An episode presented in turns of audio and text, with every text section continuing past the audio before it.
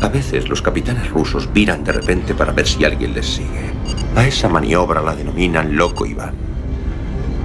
Lo único que puedes hacer es parar en seco tu nave y esperar los acontecimientos.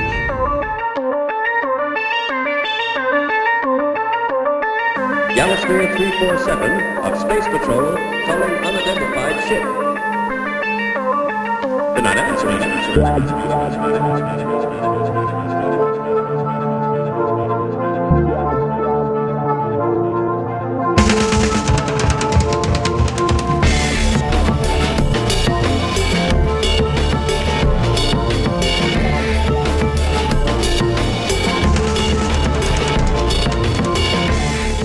boa noite a todos e a todas. Prepárense para pasar unha hora repleta de aventuras a bordo do submarino nucelar máis intrépido de toda a Unión Soviética.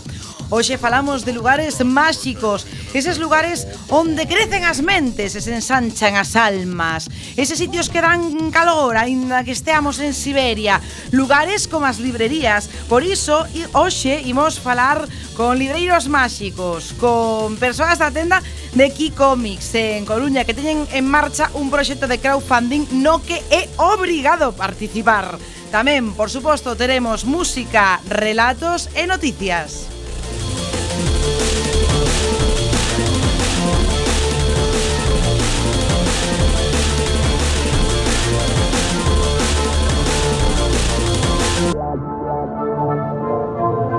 Please stand back the automated door and wait for the security officer to verify your identity.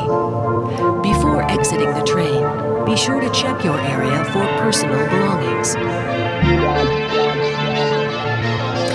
E todo isto non sería posible, xa o saben, se non tiveramos o señor Bugalov na sala de máquinas.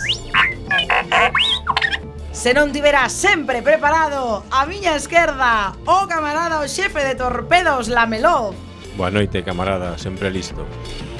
Na cociña, o xefe de cociña, Birnarem. Pois aquí estamos, cociñando unhas mentes a prancha. E por suposto, o noso intelectual moderno de Merder e MM, o camarada Esmendrellev. Boas noites a todas e a todos. Saudamos a capitana Esvetlana Ibaruri, isto é loco Iván, comezamos.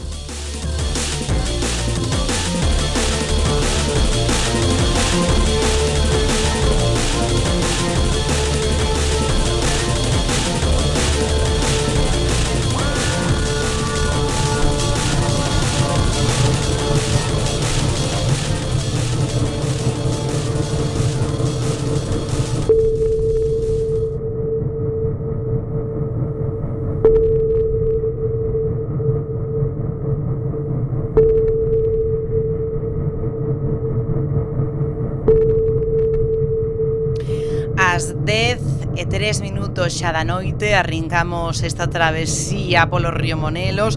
Antes de nada, temos que eh, darvos as claves para poder compartir, para poder participar no programa e falar con nós, porque xa sabedes que este submarino ten unha comunicación de ida e de volta, así que, por favor, camarada Esmendrellev, non o estou vendo atento e, por tanto, a vostede ao que lle toca recordar os teléfonos os que poden chamar as ouintes. Entes poden chamar o teléfono 881012232 ou ben o 644-737-303 e utilizalos para mandarnos mensaxes de WhatsApp, de Telegram ou calquer outra modernez que lles pete. Bueno, en concreto só poden usar Telegram e WhatsApp. E, por suposto, tamén que ten que facerse se queren poñer en contacto con nós a través das redes, camarada Lamelov? Pois en Twitter, Loco Iván Cuac e Facebook tamén. Bueno, e a esta hora é o momento no que facemos un repaso por todas esas noticias que non tiveron cabida nos medios convencionais, esas noticias que se lles olvidou comentar no Ideal Gallego. Por tanto, temos que mm, iba a dicir abrir periscopio, pero non, imos subilo mellor. Arriba periscopio.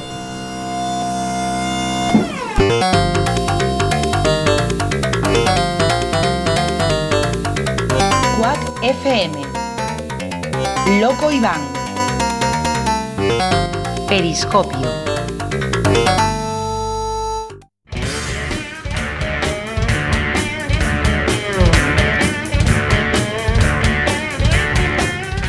Pois hai malas novas para DUG, eh, Good Games, a sabedes a filial de CD Projekt Red. Eh que un portal online pois de venta de videoxogos sen dereitos sen DRM, sen ninguna medida antipirateo nin anti nada. Baixas, mercas e xa está.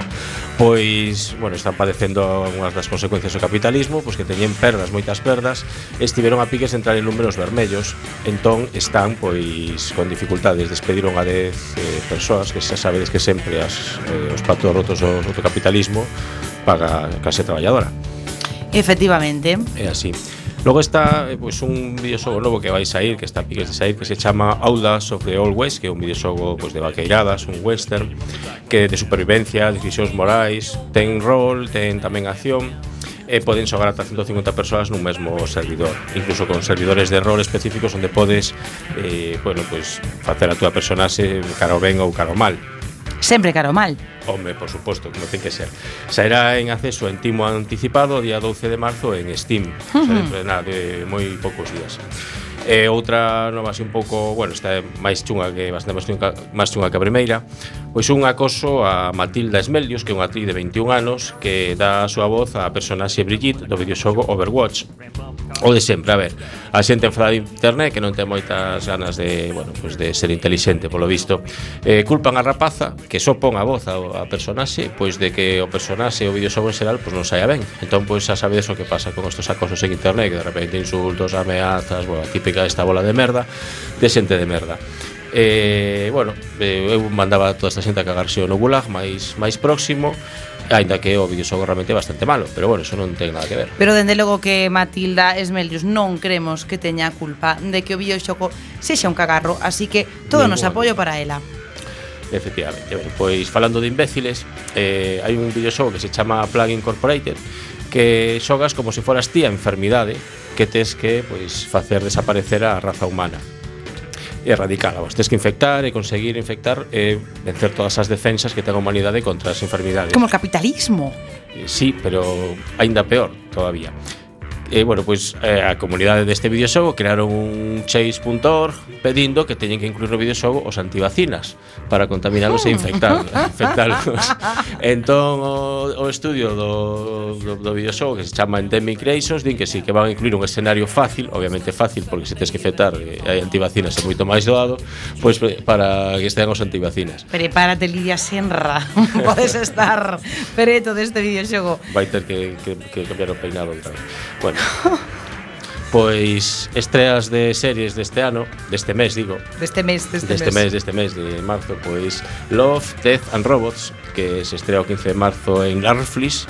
É unha serie de animación creada por Tim Miller, que é o mesmo director de Deadpool, é responsable de, dos efectos visuais de Scott Pilgrim, e de David Fincher, o da Club da Loita, de Seven, que conta hmm. unha mm. historia curta en cada un dos seis 18 episodios para, para adultos. E ten moi boa pinta, logo saberemos en que queda. Ártico, que é da Canle Cosmo, que non sei creo que a Canle Cosmo Paleta ou algo así, que é unha serie policíaca finlandesa que parece pois que toca un poquinho a ciencia ficción unha muller policía chamada Nina Causalo que atopa unha prostituta atada e agonizante nunha cabana en Laponia. Pois pues en Laponia hace frío, pero, sí, pero ella non se ríe. Pois o caso é que eh, a cousa pose máis seria cando atopan un virus mortal eh, no seu sangue que e aí comeza, digamos, a, a trama. Sería un antivacinas deses. Igual era, así Te pedín que ten eso, toques de ciencia ficción. Logo, Toque de queda, eh, protagonizada por Sin Bean, o irmán de, pues, de Mr. Bean, non? e Adam Brody, conta unha historia posapocalíptica dun mundo que ten un toque de queda brutal que a xente respeta por medo a que, bueno, pasen cousas chungas. Nese contexto, pois pues, hai unha carreira e xente que xa está demasiado desesperada como para ter medo. E sae o 19 de marzo en Sky One eh, o que facemos nas sombras, outra serie inspirada no falso documental de Ah, Caico. pensei que íbamos a falar de eso. Non, non toca agora. Bueno. En fin, eh, pois eh, un documental falso que fixo Taika Waititi eh, de Thor Ragnarok chega o xoves 28 a HBO eh, segue a vida diaria de catro vampiros que comparten piso en, Style, en Staten Island. Son 10 episodios de media hora. Uh -huh.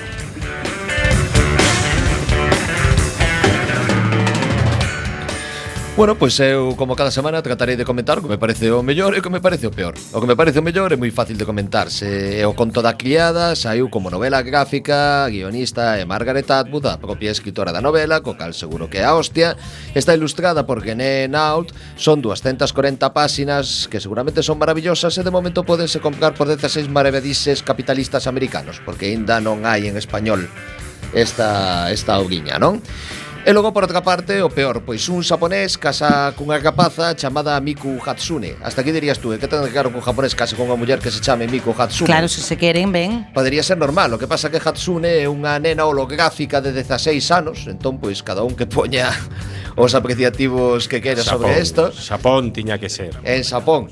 Bomba nucelar para Xapón xa tiveron dúas. Sí. E non foron tampouco, tampouco bueno, hai que abusar. O caso é que a moza esta deu que xa era coñecida por dar concertos e baños de masas en concertos de música pop aí que non existen de verdade, pois deu salto a Gatebox, que é o asistente virtual de fracasados pagafandigo de homes solteiros e solitarios E eh, eso, que nunca fui de, de corpeoso Se queredes comprar unha como esta e sentirvos como replicante de Blade Runner O único que tedes que facer é pagar 1400 doblóns E eh, eso, danos unha nena con coletas ou Bueno, tamén podedes eh, ir a un médico ou algunha persoa que trate de evitar que fagades males maiores e sobre todo antes de nada pois non compredes nada disto. É, é un apuntamento pequeno e é falar de Walking Dead que agora mismo se atopa na novena tempada e ademais de de tres películas que están por vir con protagonista de Rick Burns ou como Pero ese es el peor, lo odio. Sí, efectivamente, pero eh Llevo nove tempadas esperando están, que infecten. Están comentando que van a sacar un segundo spin-off Eh, e, eh, eh, bueno, veremos a ver. Se, se rumorea que podría ser un protagonizado por Maggie ou al, algún non protagonizado por ningún, ningún personaxe. un non protagonizado. Por ninguén, efectivamente, De solo por os zombies é o que falta. Bueno, pois perfecto. Así que baixamos o periscopio.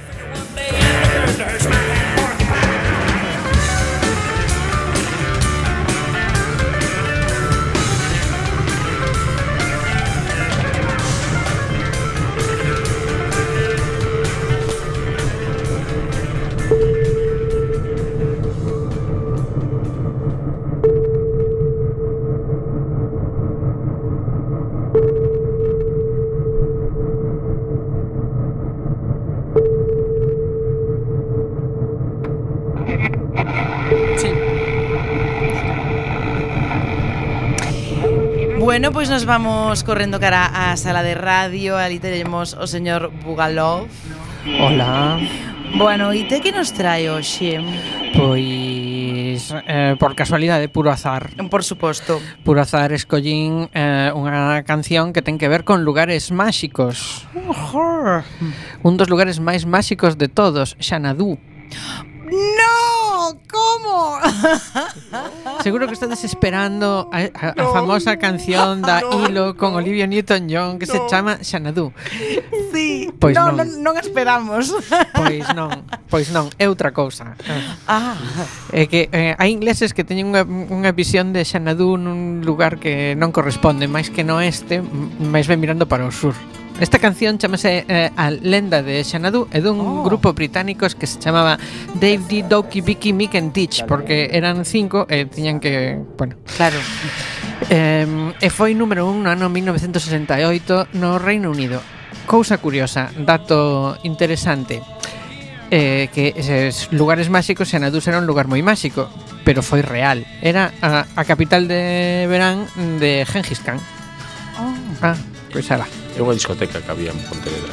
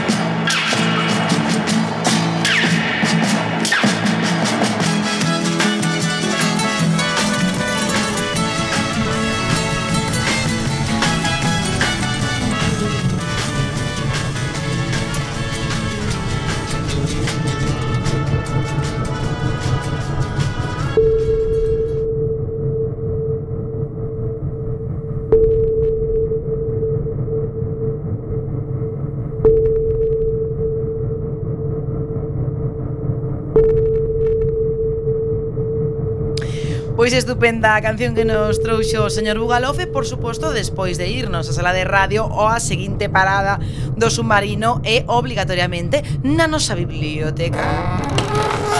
Temos que abrir a porta a mierder. Eh, e Hoxe é un gran día porque eh, na nosa anterior travesía do submarino non estaba o señor Esmendrellev entón non podíamos facer este ritual, este rancio ritual no que escollemos un libro, unha obra completamente ao azar eh, que seguramente falará de lugares máxicos. Por favor, señor Esmendrellev. Bueno, pois pues, a ver, deixade que me centrede Noto que sinto unhas enerxías esto, esto debería de ser tal vez Neverwhere de Gaiman, un lugar máxico moi potente, este tal vez podría ser Fantasia de Michael Ende, no, eh, Calé, Calé, esa de mi mirar. Ah, claro. ¿Cómo no? Ese, ah, claro. Alicia. bueno, porque pues pasaron no, os Óscar, eh, pero... O sea, que tiña que ser este. Bueno, tiña que ser tamén podía ser Mago de Oz. Pero bueno, saiu completamente o azar Alicia no País das Maravillas ou As aventuras de Alicia no País das Maravillas, que é unha obra literaria que gade en 1865 polo matemático, creo anglicano, escritor británico Charles Ludwig Dodson, ou como carallo se pronuncie, que o pseudónimo que o escribiu pois o pseudónimo, pseudónimo polo que o coñecemos todos, que é Lewis Carroll, non? Este uh -huh. home, pois como todos sabemos tamén, que como Michael Jackson, según a quen preguntes, oscila entre senio amante dos nenos e fillo de puta pederasta, ten unha fama unha fama relativamente mala como persona, pero sen embargo tena moi boa como, como escritor e con motivo, non? Eh, o País das Maravillas descrito en historia está fundamentalmente creado a través do emprego lúdico da lógica e isto fai que alcance popularidade pois, en todos os sectores, non? Desde os cativos ata matemáticos, intelectuais, surrealistas, porque moitas veces se fala desta obra como un referente do posterior surrealismo e das vanguardas históricas do século XX, e, bueno, todas estas merdas intelectuais modernos como a min. Efectivamente. Efectivamente. Eso... Entón, aquí non vai salir ni Coello Blanco, ni Sombrereiro, nin gato de Chaser, nin Gaña Verbella, oh. nada desto, pero van salir outros personaxes, non? Eh, simplemente para poñer en situación, dicir que a pequena Alicia está no País das Maravillas, está saindo nese momento dunha poza na que se atopa, que se atopa completamente mollada e rodeada de outros animaliños que por, por algún misterio universal surrealista tamén estaban na poza. Eu penso que podemos comenzar.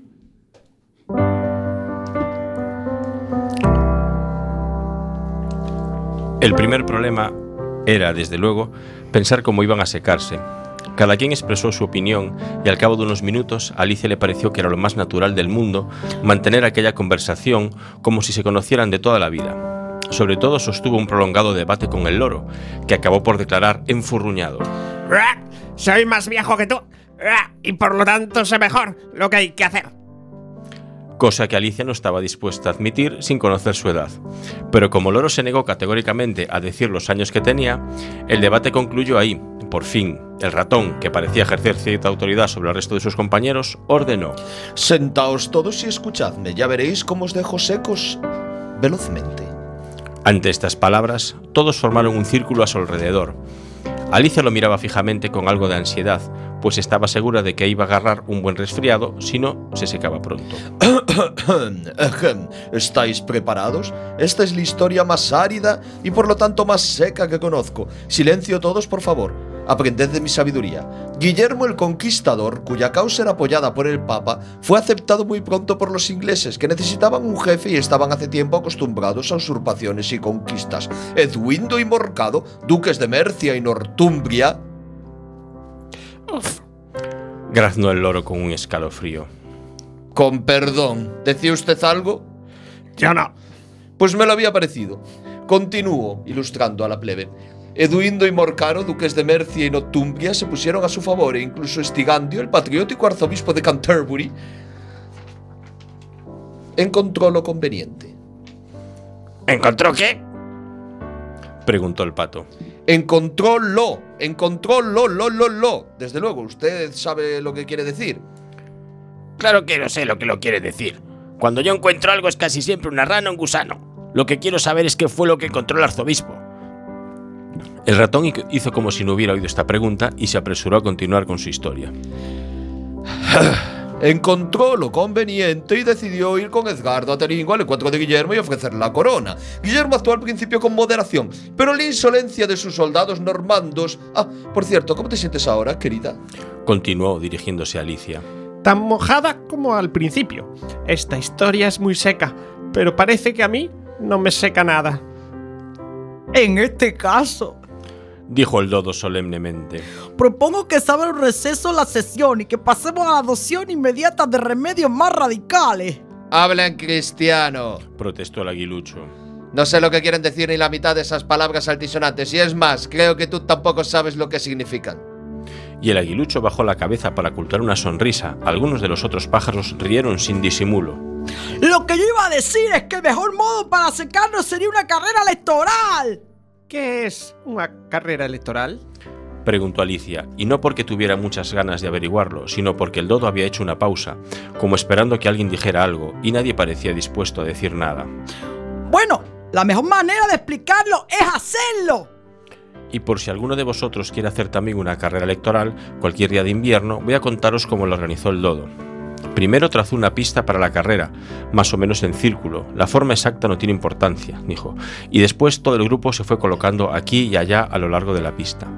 No hubo él a la una, a las dos o a las tres ya, sino que todos comenzaron a correr cuando quisieron y cada uno paró cuando quiso, de modo que no era fácil saber cuándo terminaba la carrera. Sin embargo, cuando llevaban corriendo más o menos media hora y volvían a estar ya secos, el dodo gritó súbitamente ¡La carrera ha terminado! Y todos se agruparon jadeantes a su alrededor, preguntando Pero ¿quién ha ganado? El dodo no podía contestar a esta pregunta sin entregarse antes a largas cavilaciones, y estuvo un buen rato reflexionando con un dedo apoyado en la frente, la postura en que aparece casi siempre retratado Shakespeare, mientras los demás esperaban en silencio. Bueno, ¿quién ha ganado? Todos hemos ganado. Y todos por eso tenemos que recibir un premio. Pero, Pero ¿quién ¿quién dará los premios? Más pues ella, naturalmente. Dijo el dodo señalando a Alicia con el dedo, y todo el grupo se agolpó alrededor de Alicia gritando como locos. ¡Premios! Premios, ¡Premios! Alicia no sabía qué hacer, se metió desesperada en una mano en el bolsillo y encontró una caja de confites. Por suerte, el agua salada no había entrado dentro, y lo repartió como premios. Había exactamente un confite para cada uno de ellos. Pero ella también debería tener un premio. Claro que sí. Aprobó el dodo con gravedad y dirigiéndose a Alicia, preguntó: ¿Qué más tiene en el bolsillo? ¿Solo un dedal? Pues venga, el dedal. Y entonces todos la rodearon una vez más mientras el, de- el dodo le ofrecía solemnemente el dedal con las palabras. Os rogamos que aceptéis este elegante dedal. Y después de este cortísimo discurso, todos aplaudieron con entusiasmo. ¡Viva! Alicia pensó que todo esto era muy absurdo, pero los demás parecían tomarlo tan en serio que no se atrevió a reír, y como tampoco se le ocurría nada que decir, se limitó a hacer una reverencia y a coger el dedal, con el aire más solemne que pudo. Había llegado el momento de comerse los confites, lo que provocó bastante ruido y confusión, pues los pájaros grandes se quejaban de que sabían a poco y los pájaros pequeños se atragantaban, y había que darle palmaditas en la espalda. Sin embargo, por fin terminaron con los confites y de nuevo se sentaron en círculo y pidieron al ratón que les contara otra historia.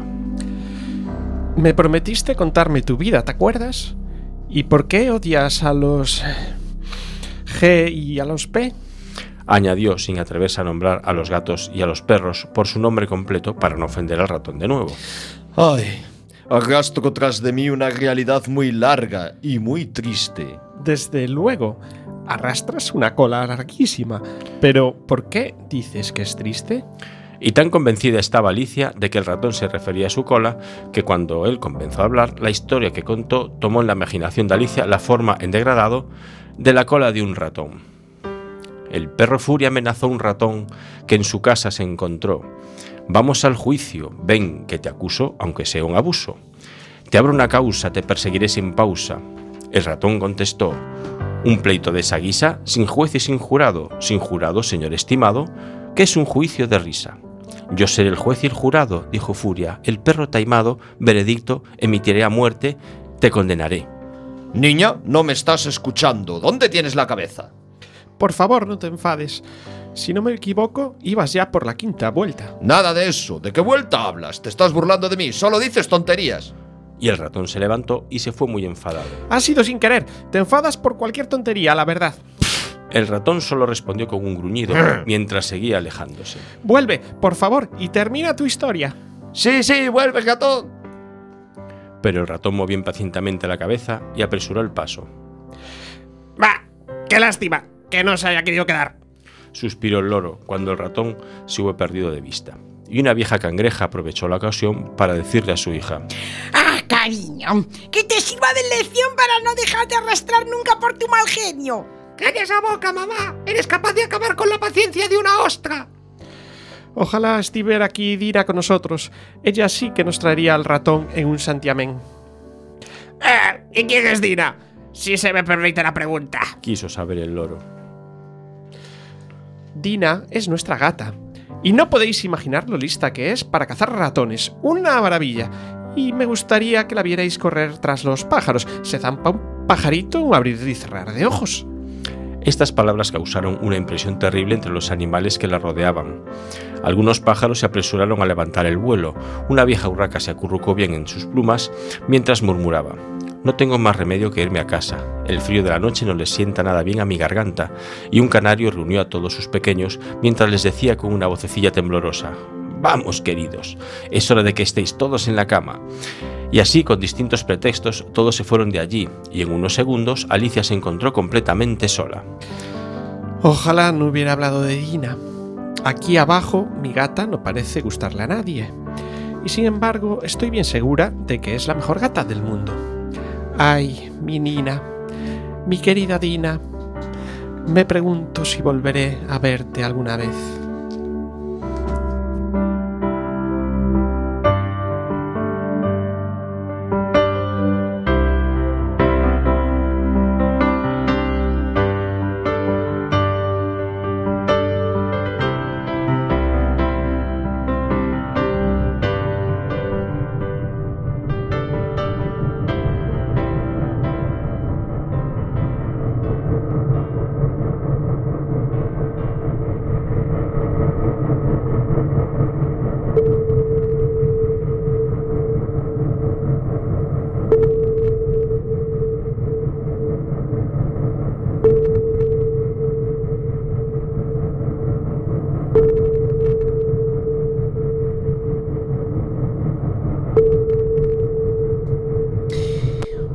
pois eh, despois do outro, do outro relato eh, catastrófico eh, temos que pasar a nosa entrevista, temos que abrir a escotilla.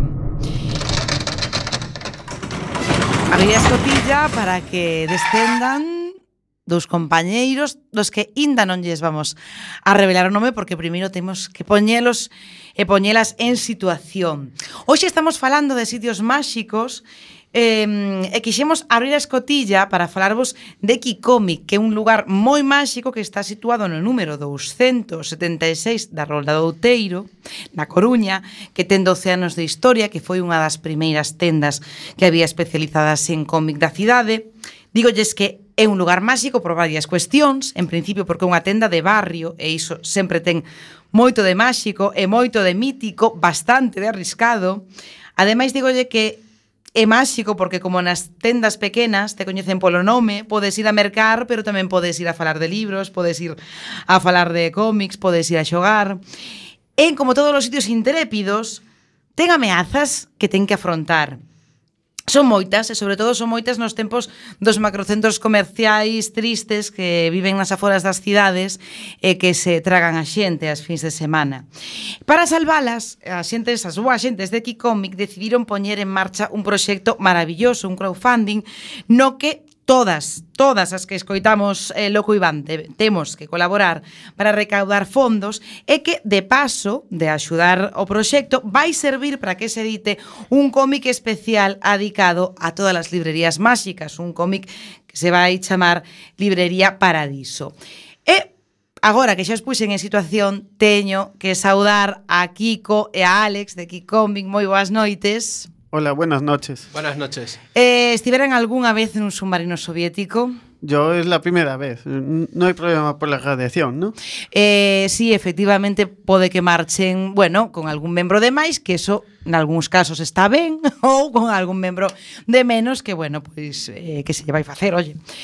eh, vamos a poñernos en situación que nos digan primeiro como se lles ocorre montar unha tenda de, de, de cómics na Coruña e, e, e que pasou, porque fai, hai 12 anos. Bueno, pues, eh, ¿cómo se me ocurre? Eh, digamos que es lo que me ha gustado toda la vida Y dije, bueno, de trabajar, dedicarme a algo a lo que me gusta y dar ese servicio que, que a mí me gusta también, personal y, y de saber el nombre de todos los clientes. Eso é algo que nos gusta moito. E condenos un pouco porque chegan turbulencias, os problemas que teñen ao final tamén pois todas as todos os tendas de barrio, todas as tendas de proximidade, e vostedes din, non, aquí non só vamos a afrontar todos estes problemas, senón que vamos a facer dunha forma eh, menos innovadora, polo menos, porque ningunha tenda de, de Coruña se lles ocorriu nunca facer isto. Condenos ese, ese crowdfunding. Eh, bueno, vamos a ver, la idea salió de una tienda de Madrid que se llama Delirio, que hizo lo mismo. Y nosotros lo aplicamos, pero queremos aplicarlo de una manera especial, que es denunciar los problemas que tiene el pequeño comercio en general. No solo las librerías, eh, todos los comercios de las ciudades están sufriendo ante la competencia. e aí vostedes deciden que van a editar un libro maravilloso que xa temos portada e todo, que é Librería, eh, Librería Paradiso, pero é un libro que ainda está por escribir. Sí, el sistema del crowdfunding es llegar a un, un límite de dinero. Ese límite de dinero nos hace falta para sacar el cómic y salvar la tienda. Es para las dos cosas. Y si no llegamos a ese límite de dinero, no se puede sacar el cómic. Tengo varios autores que ya están preparando historias, otros que están esperando, pero eh, tenemos la idea y les dimos la idea de que sean historias de librerías, de pequeñas librerías de barrio. que ademais cantas historias tamén contamos aquí ou nos acordamos de, de, de librerías, dende de a librería mm, na que comeza a ler a historia interminable Contenos eh, un pouco, porque ademais eh, o sea, xa ten aí unha recua de persoas, de homes e de mulleres que, que están dispostos a, a traballar neste proxecto eh, temos a Manuel Moledo, gran amigo do, do submarino, pero temos a moitas máis persoas, eh, incluso vamos a decir un pouco máis coñecidas que Manuel Moledo. Hay algunas personas un poco más conocidas que Manuel Moledo. Creo que en este submarino con, lo conocen muy bien, de todas maneras, sí, a Manuel Moledo. moi ben. Limpa Pero- veces por fora o submarino. Sí, pero también tenemos a Cels Piñol, Albert Montéis, Paco Hernández, Kiki Infame, José Ángel Ares, eh, Manel Cráneo, Kiko da Silva y un montón de, la, de gente de La Coruña que estamos con- muy contentos de contar con ellos. Eh, Ana Castiñeiras, Rubén Mariño, Sergio Covelo, Feliz Mate- Carreira, que veu Feliz- aquí Feliz Carreira. veces. Gente que, que decimos, si nosotros somos una pequeña tienda de barrio, vamos a contar con, con la gente de, de nuestro barrio, la gente de nuestra cercanía también. É moi moi bonito ese, ese proxecto. E contenos un pouco que temos que facer agora mesmo, que estamos eh, a xente que nos está escoitando desde as súas casas, que ten que facer? Pues mira, ahí ya lo explica mi, mi compañero Alex. Que estaba no silencio, Alex, eh, pero... Estaba en mi elemento, pero bueno, hay que salir y eh, para explicar que hay que entrar en la página de Berkami buscando, eh, buscando Librería Paradiso. Y eh, una vez allí eh, hay varias opciones de como de pago, hay como ce- Mecenazgo, non? Un mecenazgo, sí, según la cantidad a aportar. eh, se, se ofrece una recompensa, un, un pequeño un pequeño agradecimiento a nuestros mecenas por, eh, que van desde eh, desde el agradecimiento del cómic mismo, apareciendo el nombre, o una copia del mismo, y hasta copias firmadas, camisetas y, y demás cosas. Bueno, que esa tamén é outra das cousas que nos encantou deste proxecto, que neste proxecto ten moitos colaboradores, non só eh, persoas que van a traballar no cómic, senón outros artistas eh, locais que van facer tamén determinadas cousas para, para, para os mecenas, non? Contenos un pouco... Eh, vamos a ver, los autores no solo hacen eh, la parte del cómic, también hay muchas láminas que nos donan para regalar a, a los a los mecenas y también originales, originales firmados por ellos en muchos casos. También tenemos incluso una re- de las recompensas lleva la actuación de Manuel Moledo. Eso é un... que, que tendría que ser ya en un lugar eh, público con, con público, La Coruña, pero bueno. Pero ahí- Manuel ahí Moledo pode ir a casa de a casa de cada unha das persoas, eu creo, non? Din que é un capaz moi creativo, eu penso que pode facelo. Pode ir. Pero ese é o premio ou é o castigo? Non Eso é claro, porque hai un castigo tamén. Eh, luego incluso tenemos eh, una tarta personalizada. O sea, hay un montón de locuras que nos han querido ayudar y que se nos han ido corriendo por el camino que pusimos y estamos muy contentos con ello. De, de hecho, ahora mismo tenemos gente trabajando para crear, para hacer un streaming el fin de semana que viene eh, por la plataforma Twitch, en la que estaremos, estaremos en la tienda jugando a juegos eh, clásicos, no tan clásicos, eh, probando cosas mm, ante el público en general. Tendremos, será un poco como las telemaratones esas que sale la, la recaudación en una esquinita para patrocinar todo el Berkami. Eso vai ser eh, a fin de semana seguinte. Vale. Eh, outra cousa tamén creo que importante é que a xente efectivamente que participe, que poña cartos para o crowdfunding, pero que tamén vai á tenda. Entón, é claro, que non nos quedemos ali no crowdfunding, así que díganos porque non sei se dixen exactamente ben a, a dirección onde podemos eh, ir para, para ir aquí cómic e fáganos unha recomendación de algo, que é algo que sempre pedimos a xente que vais aquí ao submarino, que nos fagan unha recomendación dun xogo, eh, dun cómic, de algo que, que necesitemos coñecer. Vamos a ver. eh, la tienda, lo dijiste muy bien, está en, en el número 276 de la Ronda de Outeiro. Es muy fácil de encontrar, es en la esquina con Villa de Negreira. Ben. Y, y además, bueno, ¿qué os puedo recomendar si vais por allí? Pues hay un libro de un tal, creo que igual os suena el nombre, de un tal Manuel Moledo. A ver, hai máis xente nese proxecto. A ver, é moi bon capaz Manuel Moledo, pero podemos falar de máis xente. ¿no? El libro se llama Las, aventur- Las aventuras de Margaret White, que va de, de una colonia steampunk en, en el año 1800 y pico y es una aventurera, exploradora, arqueóloga, muy divertido. También tenemos cosas de Kiko da Silva, como el, eh, o, o, Inferno do, de Busante, que está muy bien, muy bien y es un cómic ya muy famoso. Kiko da Silva es uno de los autores das, que nos ayuda. Las persoas que vai colaborar, que ademais mira que que chegou lonxe Kiko da Silva con, bueno, ao final con persoas como vos tamén que que tal, é un xogo un juego, pues eh, uno que nos encanta, y jugamos todos los viernes por la tarde en, en la tienda, porque además todos los viernes por la tarde tenemos partidas de juegos de mesa abiertas. Eh, gatitos explosivos. Gatitos explosivos. Divertidísimo. De, de cartas, eh, muy fácil de aprender en 5 minutos y de partidas de 10 muni- 10 minutos como mucho. Y la gente sale par- eh, partiéndose de risa. Es como una ruleta rusa, pero con gatitos eh, explosivos. Nos, mm, bueno, Non sei, é que a mí me gustan moito os gatitos, non me... No. Es, es, es de risa. Es te va a gustar, te va a gustar. Capitana. Es, es de risa, no es nada, eh, no hay nada feo ni... Ah, no, es de risa todo. Bueno, que eu son unha señora de Catán. Mm. Puertoleño.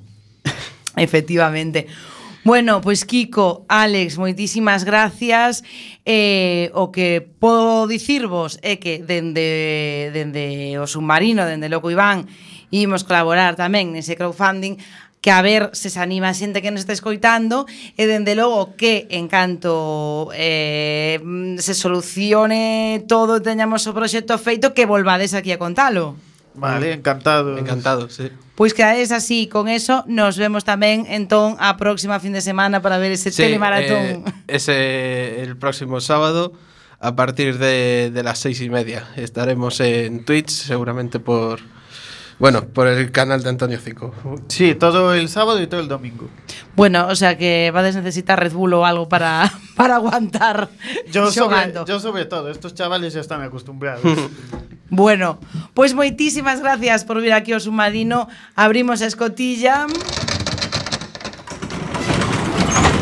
E bueno, non sabemos como van a sair do submarino, se con algún tipo de, de deformidade pola, pola radiación, pero eso é algo que pasa ás veces.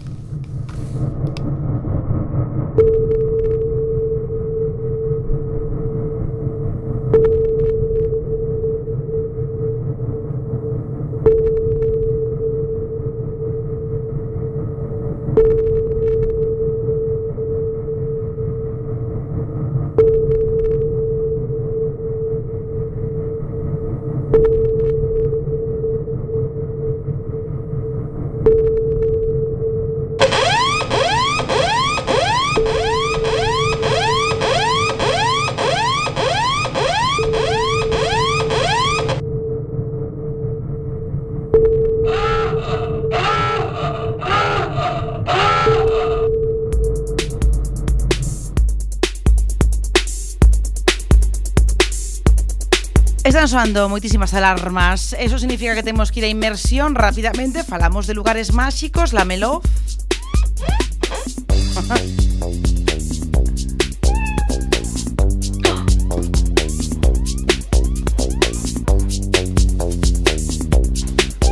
¿Cómodo?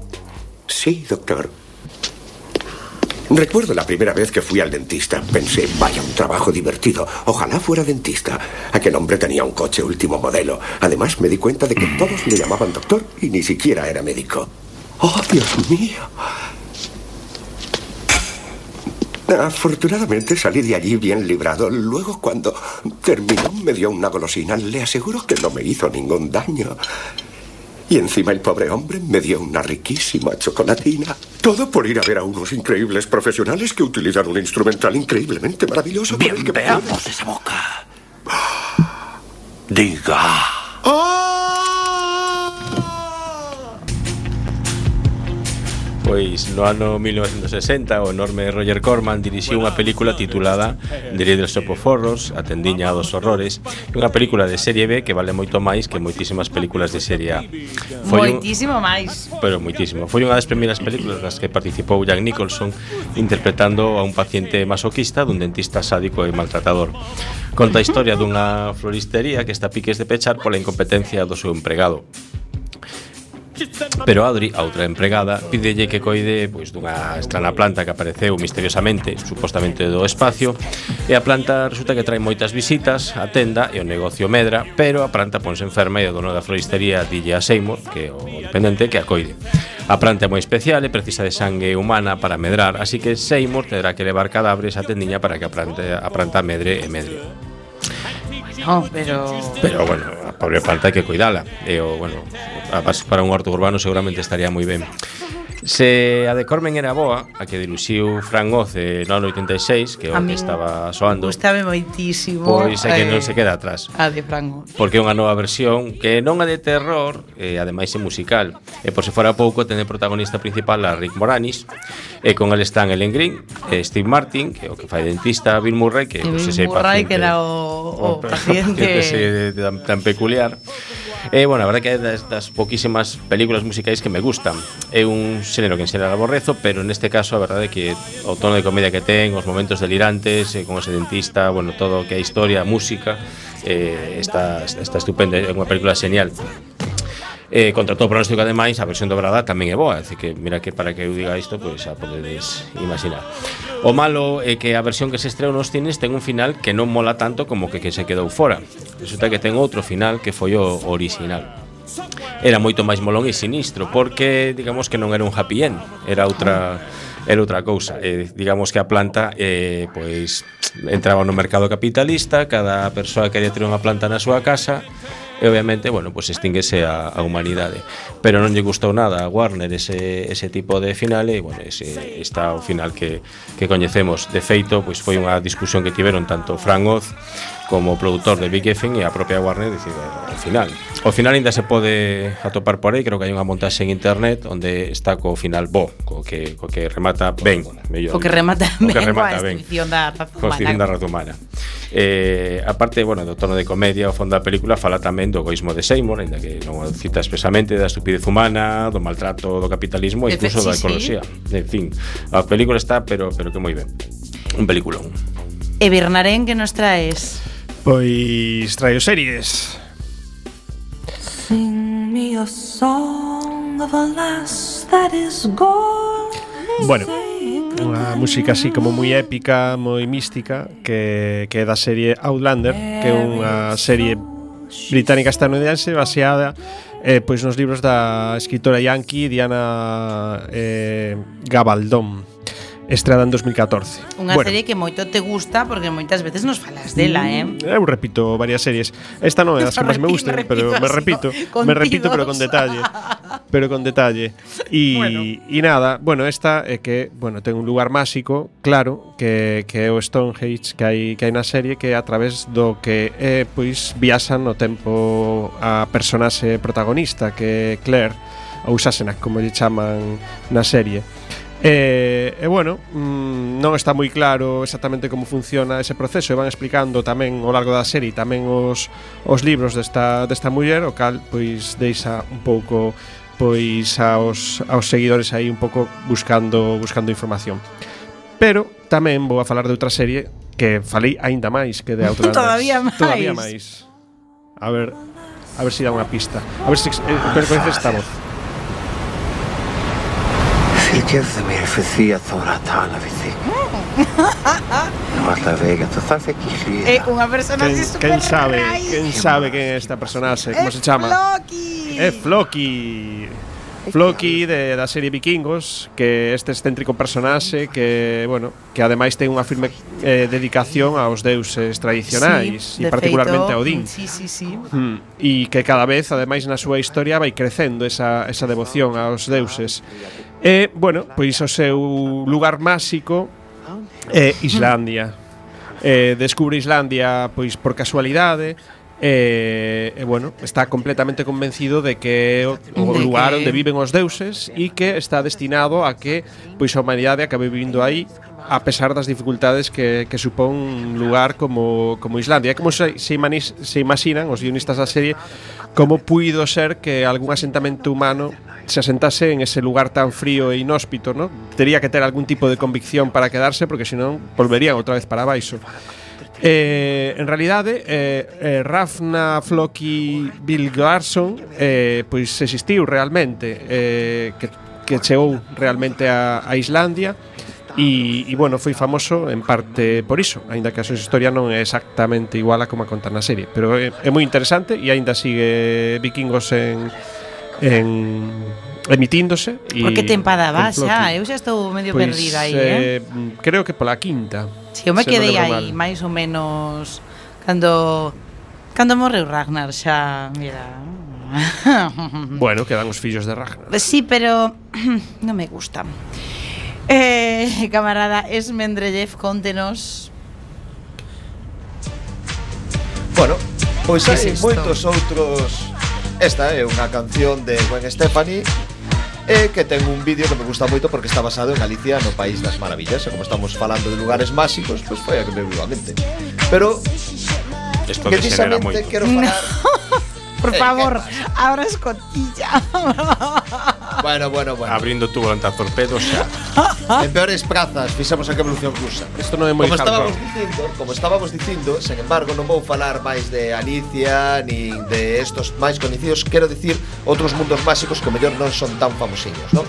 O primeiro que, que vou mencionar, o que non teña lido Neverwhere de Gaiman, debería facelo xa, Ali aparece un lugar máxico que encantador que é Baixo Londres que hmm. cando ti atravesas unha porta das hadas, pois como Coleridge do que falaba antes Birnaren, pois pode chegar ao mundo das, das, das fatas, non? Pois neste caso é igual, solo que ese mundo está baixo Londres. Hai un personaxe Dos que das, das batas, dis, das fatas. Das fatas, como ah. se di? Eh?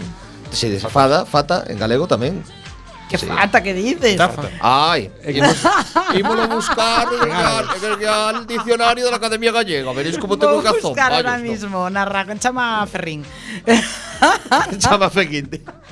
Conferencia a Vigo. Bueno, volvendo, volvendo a Baixo Londres. É unha adaptación de, de cruzar a porta ao mundo das o mundo das fadas, pero dentro da fantasía urbana. Hai uns personaxes que son absolutamente encantadores, pois Lady Porta, Lord Pórtico e sobre todo os dous malos de máis categoría que, que xa máis teño visto que se chaman Krupe e Valdemar e que son o mal encarnado. Ai. Outro do que quero falar é Sant, O Mundo de Sand, que é unha saga de Pierre Sanzoni, que é un escritor de, de fantasía e ciencia ficción e que ten a característica de que no seu mundo sí que aparecen eh, determinados eh, determinados seres que son máxicos pero que funcionan por evolución tamén, non? Entón, pois, eh, é curioso porque hai unha especie de centeno máxico na primeira novela que foi o que me enganchou a mí cando era un adolescente pajillero a serie. Home, Cornezuelo! Eh, pero non polo Cornezuelo, aí o Cornezuelo ainda mola máis, porque o gollo é que se ti ouriñas, por exemplo, no o millo é máxico pero tamén evoluciona e quere que ti meses para que lle botes abono. Entón, como fai? Ti mesas no millo e de pronto aparecete unha especie de tría de dos bosques que che fai un apaño que os 16 cando non tes outra cousa está moi ben. Pois así bueno, comenta 16, esa serie de eh, novelas vamos, vamos. e paga pena vela. E cos 85 que tes tamén. Tamén. un sempre está para iso. E tamén porque, bueno, falar de Otherland de Tad Williams. Tad Williams é un escritor de fantasía e ciencia ficción tamén é moi famoso por escribir a serie de Añoranzas e Pesares, pero neste caso vou falar de outra serie que se chama Otherland, que se basa nun mundo máxico, este caso un mundo digital, Ajá. donde os seus personaxes teñen que enfrontarse a unha conspiración mundial. Está moi ben, ojalá tivera entre as súas moitas virtudes a da brevedade, porque é un ladrillo de cinco tomos importante, pero está mm. moi ben cuns personaxes encantadores, non? Irene Sulagüello, unha muller zulú, e Sabú, un amigo que bosquímano dela, que realmente é o primeiro contacto que ten co mundo digital porque quere que construir a súa cultura para que non desapareza pois no mundo virtual porque está desaparecendo no real, non? E para que matar, pois falar, porque todos sempre falamos de cousas de fora, hai que falar un pouco da teguiña, vale? Entón quero falar do urco, o can do mar, non sei se vos sona. Pois, bueno, bueno é unha... eu nunca coñecín o urco como can do mar, eh? O sea, o urco eh, como como can negro das das aldeas, pero non coñecía esa excepción de chamarllo candomara, a verdad. É que pareceme que dependendo, pois eh, Galicia é un país que moi rico en mitoloxía, pareceme que dependendo da zona, se esa do interior ou se esa da costa, pois é o candomar e ten diversas formas físicas, non? Uh -huh. Que sempre un can negro que castra cadenas, cando falando do candomar, pois falan dun can negro con cornos que castra cadenas, pero que ten un propio reino máxico, que se chama o borrón. Bueno, pois pues non, non, non, non Pois idea. ese mundo máxico é un mundo neblinoso que está no fondo do mar e que está próximo ao inferno e que eso fai que realmente esta lenda do Urco teña unha certa relación co cancerbeiro, co cancerbeiro sí. romano da, eh, da Grecia clásica, pero houve bueno relacionar cos amigos de Vikings porque resulta que eh, dentro dos nove mundos que hai dentro da mitoloxía nórdica, un dele Nilheim, Tamén escrito Nilfheim ou Nilfheim ou non sei, o fogar da néboa, non? Que é o reino da escuridade das tebras envolto por unha néboa perpetua, nel habita o dragón Niogor, que εγώ entesar as raíces do freixo Yggdrasil e despois do Ragnarok, o dragón adicarás a joder a todo o mundo que quede vivo e todo isto, non? Hmm. A cuestión que, bueno, é unha cuestión un pouco filosófica que menciona este mundo Nilheim como a materia fría como posta ao Muspelheim, que é o, o mundo da materia coente, que, que todo eso surde do choque destas dúas materias no espazo máxico que lle chaman Ginnogagaba unha carallada. A cuestión, seguro que pronunciarei, pero moi moi mal, pero só quero dicir unha cosa, que é que é curioso porque esta historia do Borgón, deste reino nevoento que está preto do mar, onde habitan monstruos, é moi similar ás lendas vikingas, é moi propio daqui de Galicia, e seguramente pois terá conexión pois coas lendas indoeuropeas que que fomentaron toda a mitoloxía de Europa occidental. Bueno, este un biscoito. E Iaco, no, pois con este de un biscoito, no, sigue falando porque ainda nos quedan dous minutos. Así que ahora é o vosso momento, é o vosso momento de, de, de seguir falando. Bueno, a ver, Oxe, imperdonable eh, que, que nos quedamos en un lugar máxico, pero máxico de todo, que é Springfield. Springfield. É verdad. lugar máxico. Sí, A ver, tamén. super máxico, non me digas, pasan cosas ali que non pasan en ningún outro sitio. Bueno, no, de feito as Bueno. cosas que pasan en Springfield logo pasan na, logo A ver, pasan en todos hai- os bueno, pero- sitios. Hai lugares máxicos un pouco superiores a Springfield, que é Vila Pingüino, que é o lugar Vila máxico Pingüín, de. Vila Pingüín, que, que é moi máxico, pero Springfield non está mal tamén. Que o de Arale. Sí. Eh, Pasan cosas bueno, surrealistas. eh, Non merecedes perdón de Deus que non falades da Terra Media. Bueno, es verdad, pero, vamos a falar de. Y nunca falamos porque vamos a falar. Y vemos un programa entero dedicado a Terra A ver, que siempre falamos de vikingos, de acuerdo. Que siempre. Bueno, pero bueno. Es pero, pero, eso pero una vez, pero. Pero a ver, a, Terra Media también es muy vikinga. Eh. O sea, por, por, ese... por Mundo Disco. También es verdad. Falamos, también falamos otras veces. Que pero hay bueno, que, que falamos todos los días. Es no, que hay no, que darle no variedad. No somos como Birnaren, que falamos siempre lo mismo. Tenemos que hablar de cosas un poco diferentes. Son peores, peores, peor, mala. bueno, eh, por último, como xa non tiñamos que facer, entramos eh, dicir que entramos neste momento polo móvil la, na páxina da Real Academia Galega e vimos que Fata non se recoñece. Non. Non. No. Pois pero... entón sería o meu amigo argelino que se ah, chamaba ah, así, sí, confundido. Sí, fa Fatim. La Real Academia Argentina non sabemos, pero na, bueno, na rusa pero, non. Mirade, pero mirade, pero, que sitio, que sitio nos faltou, un sitio máxico onde o haxa do que non falamos. Como non? a Unión Soviética. A Unión Soviética! E non dixechedes nada, non hai sitio máis maravilloso que ese. Despois do noso submarino. Pero non é máxico. É materialista, dialéctico e científico. É máxico tamén. É e tamén é máxico, tamén é máxico porque está porque en todos os corazóns da xente hai unha pequeniña Unión Soviética. En, en todo en, en aí, é un gular, bueno, pois pues está no outro lado. Bueno, pois nada, que chegou o final pero o final só deste programa porque volveremos o venres que ven, o venres que ven igual non, pero cando sexa volveremos todos os venres porque os queremos moito. Os queremos tanto como a Unión Soviética. Beban con moderación vodka. Os queremos.